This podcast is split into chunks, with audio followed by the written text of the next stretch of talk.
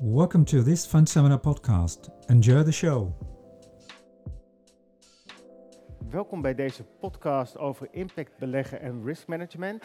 Mijn naam is Michiel Pekelharing. Ik praat met Rick Lex. Hij is Chief Investment Officer LDI in Private Markets bij Cardano. Rick, welk bericht in het nieuws heeft de afgelopen weken jou het meeste geraakt?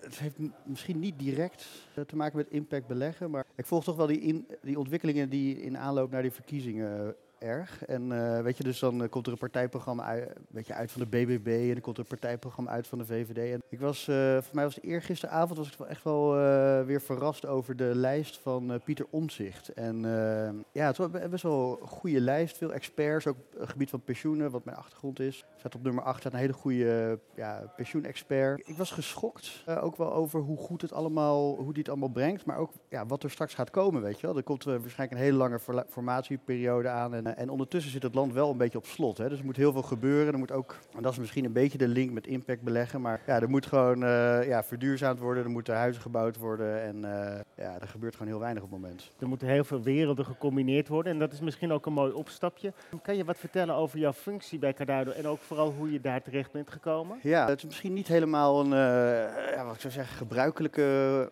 pad dat ik heb gelopen. Econometrie gestudeerd, ik heb bij JP Morgan gewerkt, ik heb bij de Nederlandse Bank gewerkt. Op vrij zeg maar, neo-klassieke economische achtergrond. En eh, ik kwam in 2015 bij Cardano terecht. En Cardano heeft echt een hele andere kijk op risicomanagement. Die denken veel meer vanuit het gedrag van agenten in, in de economische wereld. En die denken nou over complexiteit van ja, relaties tussen bepaalde agenten en hoe, hoe ze op elkaar reageren. En dat, dat complexiteitsdenken en die manier van risicomanagement, dat, ja, dat, dat paste heel erg goed bij mij op, op dat moment. Omdat ik heb 2008 meegemaakt bij JP Morgan, 2012 bij, bij Nederlandse Bank, waren toch vrij grote, diepe crisis, waarin bewezen werd toch dat dat, ja, dat neoclassieke denken niet altijd heel goed werkt. En ehm, dus 2015 bij Cardano gekomen en ja, we begonnen daar met beleggen met een miljard. Dat is gegroeid naar 20 miljard. We doen nu voor meer dan 25 eh, klanten doen wij eh, het vermogensbeheer. Een hele leuke tijd en groei meegemaakt. Eh, ook organisch eigenlijk alles. En ehm, toen in, eh, we wel dat wij, eh, naast het, het sociale doel dat we hadden met het, bij Cardano beleggen voor pensioenfondsklanten, proberen mensen veilig een goed pensioen te bieden, hadden we hele hoge ambities op het gebied van echt duurzaam beleggen als het gaat om klimaat bijvoorbeeld. En ja, de, toen kwam Actiam op ons pad en dat hebben we kunnen kopen. En dat sloot heel erg goed aan bij onze, bij onze ambities op het gebied van duurzaam beleggen. En eh, zo ben ik er een beetje ook in gekomen in het impact beleggen. Want in het begin van dit jaar, toen gaf eh, Theo Brouwers, dat is eigenlijk mijn voorganger, gaf aan dat hij met, eh, met pensioen wilde. En toen, zo ben ik erin gerold. Aan de ene kant risicomanagement, die kijkt eigenlijk naar financieel rendement en risico. En aan de andere kant impact beleggen, dat kijkt naar heel andere zaken. Hoe raken die twee werelden elkaar? Het beleggen gaat altijd over het, over het afwegen van verschillende, je, je hebt verschillende doelen. hè. Je wil zo hoog mogelijk risico, zo min mogelijk rendement. En je probeert dat met eh, ja, je, je beleggingen zo in te... Dus je, je werkt eigenlijk op twee dimensies al. Ja, En eh, duurzaam beleggen, en, eh, ja, PGGM en PFZW, die hebben dat ook genoemd het 3D-beleggen. Dus je gaat eigenlijk op een, op een derde dimensie ook acteren. En ja, dat, dat maakt het wel lastiger. En sterker nog, hè, je, hebt, eh, je hebt niet eh, ja, één dimensie duurzaam beleggen. Je hebt 17 SDG's, je hebt allemaal nog andere thema's. Dus je gaat gewoon een heel multidimensionale puzzel leggen. Maar je hebt ook een hele grote opportunity set. Dus je, kan, je hebt heel veel instrumenten. Je kan kiezen over, eh, je kan landenallocaties maken, sectoren, verschillende asset classes, eh, beleggingshorizon. Dus je hebt ook echt heel veel knoppen om aan te draaien. En die puzzel vind ik wel, eh, die, die vind ik een hele mooie uitdaging om te leggen. kan je ook een concreet voorbeeld geven dat je de puzzel nu op een andere manier legt dan dat je dat een aantal jaar geleden gedaan zou hebben? Zijn er bijvoorbeeld beleggingen die je wel of niet maakt, die je, ja, een aantal jaar geleden anders tegenaan had gekeken? Ja, we hebben bijvoorbeeld, een goed voorbeeld te geven, zijn eh, eh, leningen aan sociale woningbouwcorporaties. Dus dat zijn, in Nederland is zo ingericht dat woningbouwcorporaties die ja, bieden huurwoningen aan tegen een, een gereduceerde huur voor bepaalde inkomensgroepen. Dat, is, dat het principe. Nou, hoe kunnen ze dat dan doen en hoe kunnen ze dat bekostigen? Dat doen ze doordat ze eigenlijk een, geld kunnen lenen met een staatsgarantie. En daardoor eh, ja, eh, wordt een financiering eigenlijk wat lager en daardoor kunnen ze dat aanbieden. Die leningen die ze afsluiten met een staatsgarantie, dat past eigenlijk heel goed bij het langetermijn veilig beleggen van een pensioenfonds. Dus wij hadden een aantal klanten gewoon veel beleggen in, in langlopende Nederlandse staatsobligaties.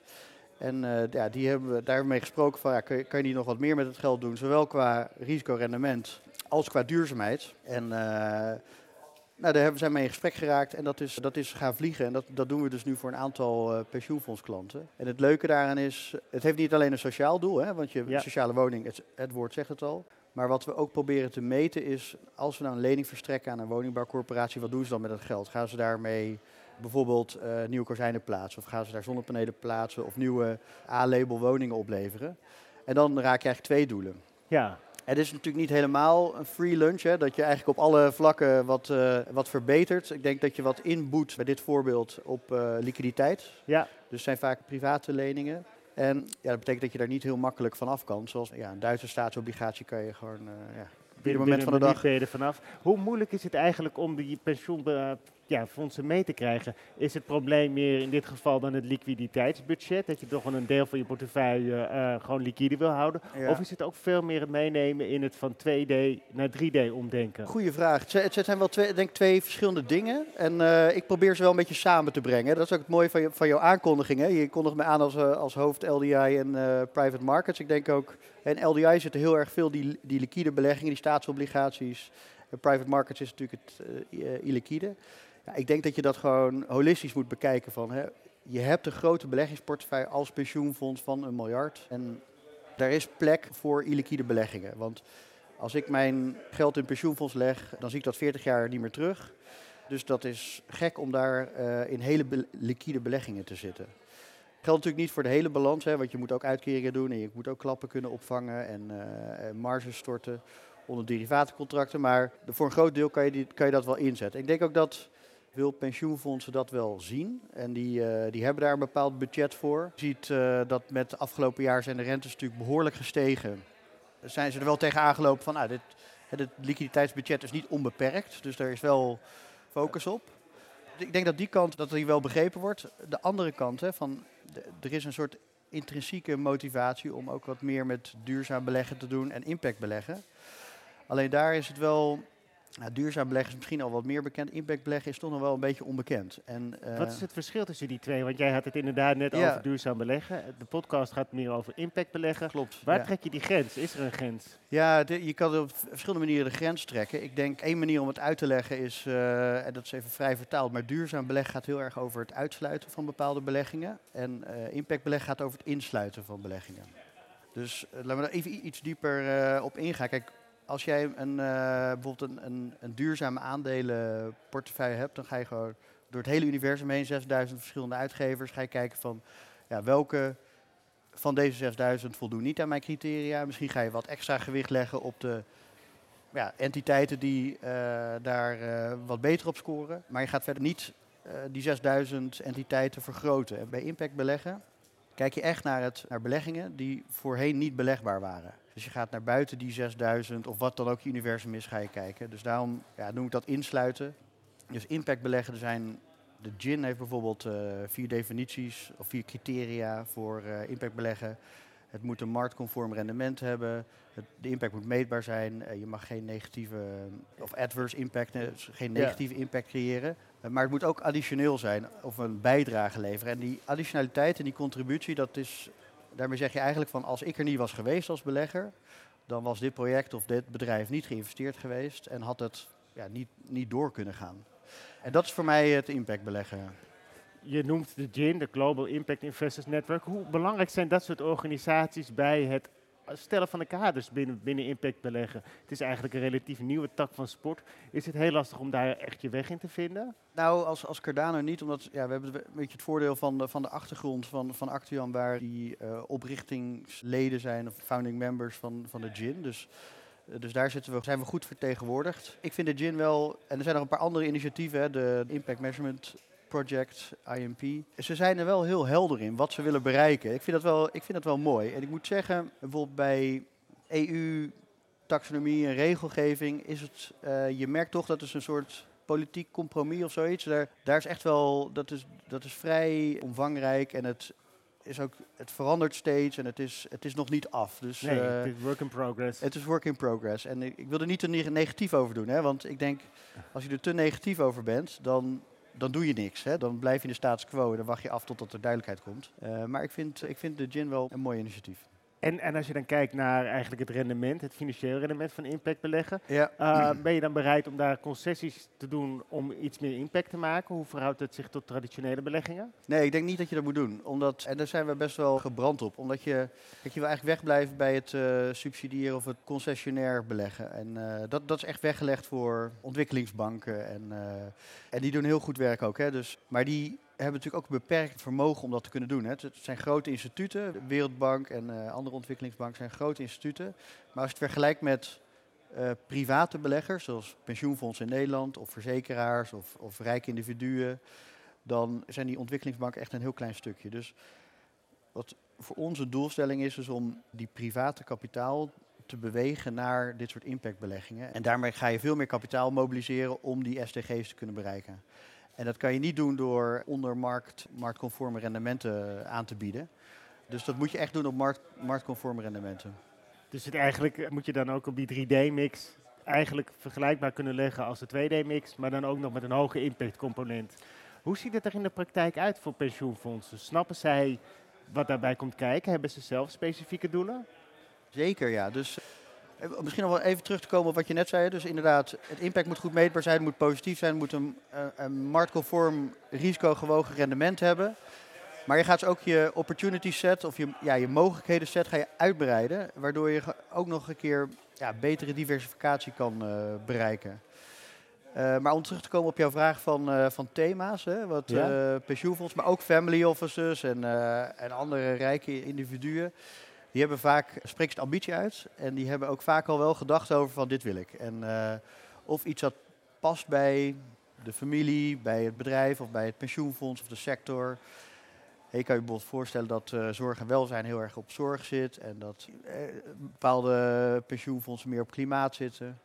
Ik denk de gemene deler is vaak wel lokaal. Dat, dat, dat hoor je vaak terug. Dus nou, die sociale woning is dan een goed voorbeeld. Maar mensen willen ook graag ja, lokale impact maken, dat zie je vaak. Pensioenfondsen zijn toch ook wel risicoadvers. Dus ze beginnen ook wel vaak met private debt en eh, hoge kredietwaardigheid.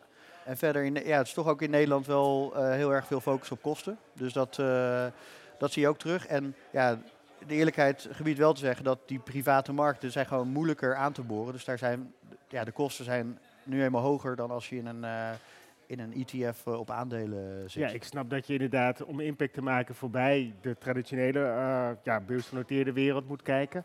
Eh, simpelweg als je daarmee de gereedschapsset zoekt om ook die impact te maken, dan beperk je jezelf heel sterk. Maar zijn, zijn eh, beleggers ook bereid om dat te doen? Want je zag zelf, gaf zelf al aan dat het dicht bij huis is, lage kosten. Waar kan je nou het meeste impact maken? Ja, dus beleggers zijn er wel bereid om. eh, die hebben die ambitie heel sterk en die willen ook echt eh, tempo daarmee maken. Het is vaak wel voor een klein deel van de balans, maar ze willen daar echt wel wat, eh, wat mee doen. Wij gaan dan vaak het gesprek wel aan over. Van, nou, is, zijn nou die thema's die jij benoemt, of, of, of die regio's die je benoemt, zijn die nou optimaal voor wat je eigenlijk wil bereiken? En nou, volgt een dialoog uit. Wij proberen ook uit te leggen dat 1 euro geïnvesteerd in energietransitieprojecten in, in Cambodja eigenlijk veel meer CO2's eh, mitigeert dan in, in, eh, in Nederland. Eh, waar je in Nederland ook nog eens een keer het probleem hebt met eh, vergunningen om eh, het überhaupt te plaatsen. En, en werkgelegenheid die je in Cambodja kan stimuleren en waar eigenlijk hier een tekort aan is. Dus dat gesprek gaan we dan wel aan en daar, daar komt dan vaak ook, eh, ook wel een hele goede conclusie uit. Van, eh, nou, het is toch wel gewenst om wat meer gespreid eh, te zijn over verschillende regio's, verschillende beleggingscategorieën. En, eh, en dan gaan we daarmee verder. De diversificatiemogelijkheid van impactbeleggen, staat die voldoende op de radar van grote partijen? Ja, ik denk dat dus, hè, waar, we het over hadden, ze komen vaak met een heel specifiek thema, een specifieke regio en het is voor een klein deel van de balans. Dus op, op zich kan dat natuurlijk wel als je op de rest van de balans voldoende diversificatie hebben. Maar we gaan wel dat gesprek aan. En ik had wel een ander leuk voorbeeld. Ik had laatst een gesprek in Engeland. Met, eh, in Engeland speelt het ook wel. En daar heb je ja, councils die eh, local government pension schemes, LGPS. En dat zijn, die, die zitten echt in een, in een borough, dus echt in een wijk. En dan had ik ook met ze, deze vraag stelde ik ook van, goh, ja, local impact en zo. En dan hebben ze zo van, ja, dan willen we in de wijk, willen we dan dit gaan doen. En denk je dan wel genoeg over diversificatie na? En dan hun scope is dan van, ja, nee, we doen ook wel wat projecten in de rest van Londen, weet je wel. En dat is dus, terwijl ik meer denk van, oh ja, je moet ook wel gewoon misschien wel de rest van Engeland erbij pakken, of Europa of de wereld. Of komende markt, omdat je daar veel meer impact maakt. Precies, maar dat, ja, dat is een gesprek die we dan aangaan. En uiteindelijk, weet je, wij moeten ook gewoon faciliteren waar de behoefte aan zit. En wij kunnen alleen maar uitleggen van hoe wij er tegenaan kijken. We hebben het vooral over grote partijen gehad. Is impact beleggen ook mogelijk voor kleinere beleggers? Zeker. Ik denk, Kijk, grotere partijen, natuurlijk, hè, die, die hebben meer, meer vermogen en die kunnen dan ook echt grotere projecten aan. Uh, je merkt wel bij grotere partijen zoals pensioenfondsen dat nou, de governance is, uh, ik zou niet zeggen weerbastig, maar wel ja, solide. Dus uh, dat betekent dat je, voordat je een impactbelegging kan doen, moet je een investment case bouwen. Je moet een kaderstelling hebben, dan moet je managers selecteren. Het moet langs het bestuur. Het bestuur komt misschien vier keer per jaar samen. Dus je merkt wel, daar gaat gewoon tijd overheen. En dat is op zich prima. Hè? Dat je een goed proces hebt daarvoor en dat je een grote allocatie maakt. Het mooie vind ik, als je praat met family officers of met high net worth individuals, gaat iets sneller. En uh, het zijn uh, ondernemers vaak die ook uh, sneller durven stappen te zetten. Dus dat, uh, dat is heel leuk. En die spelen ook denk een hele belangrijke rol in impact beleggen. Omdat je, ja, soms heb je, begin je met een wat kleiner fonds. Wil je als het ware een soort proof of concept neerzetten.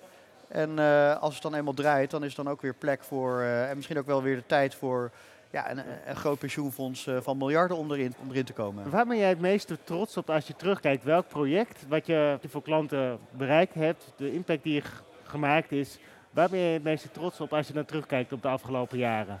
De afgelopen jaren, nou, ik noemde het al het sociale woningbouwproject, maar ik denk ook, en dat is niet helemaal, dat voelt een beetje gek om over te praten, maar het feit dat wij als bedrijf al, al meer dan 14 jaar in financiële inclusie bezig zijn in, uh, in, ont, uh, in opkomende landen, is denk ik echt een hele sterke. En uh, dat is, dan moet je teruggaan hè, naar begin jaren 2000. En toen had niemand het nog over impact beleggen.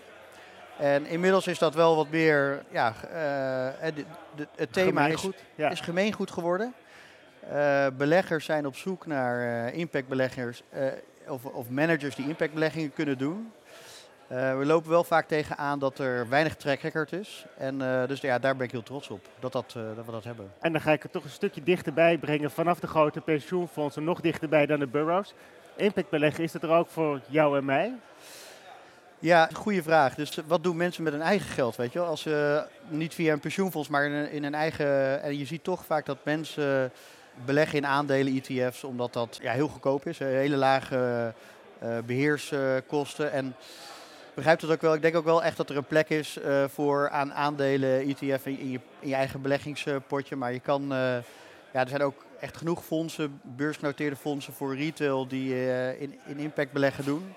En ik denk, als jij en ik beleggen, doen we dat ook niet voor de korte termijn. En we doen dat ook niet omdat we over een week het geld nodig hebben om een nieuwe ijskast te kopen. Maar Kijk, wij doen dat ook omdat we over uh, eh, 40 jaar een, eh, een, potje willen opbouwen. Dus ik zou zeggen, ook voor individuen, maak gebruik van dat illiquiditeitsbudget dat je hebt als individu. Dat is een hele mooie. En nog een laatste uitsmijter. Wat zou iedereen moeten weten over impact beleggen die deze podcast geluisterd heeft? Welke boodschap moet blijven hangen?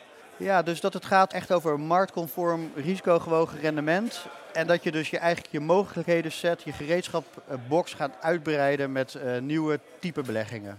Dankjewel. Ik sprak met Rick Klerk, Chief Investment Officer LDI in Private Markets bij Cardano. Tot de volgende podcast. You've been listening to a Fund Seminar podcast brought to you by Cognito Amsterdam. Thanks for listening.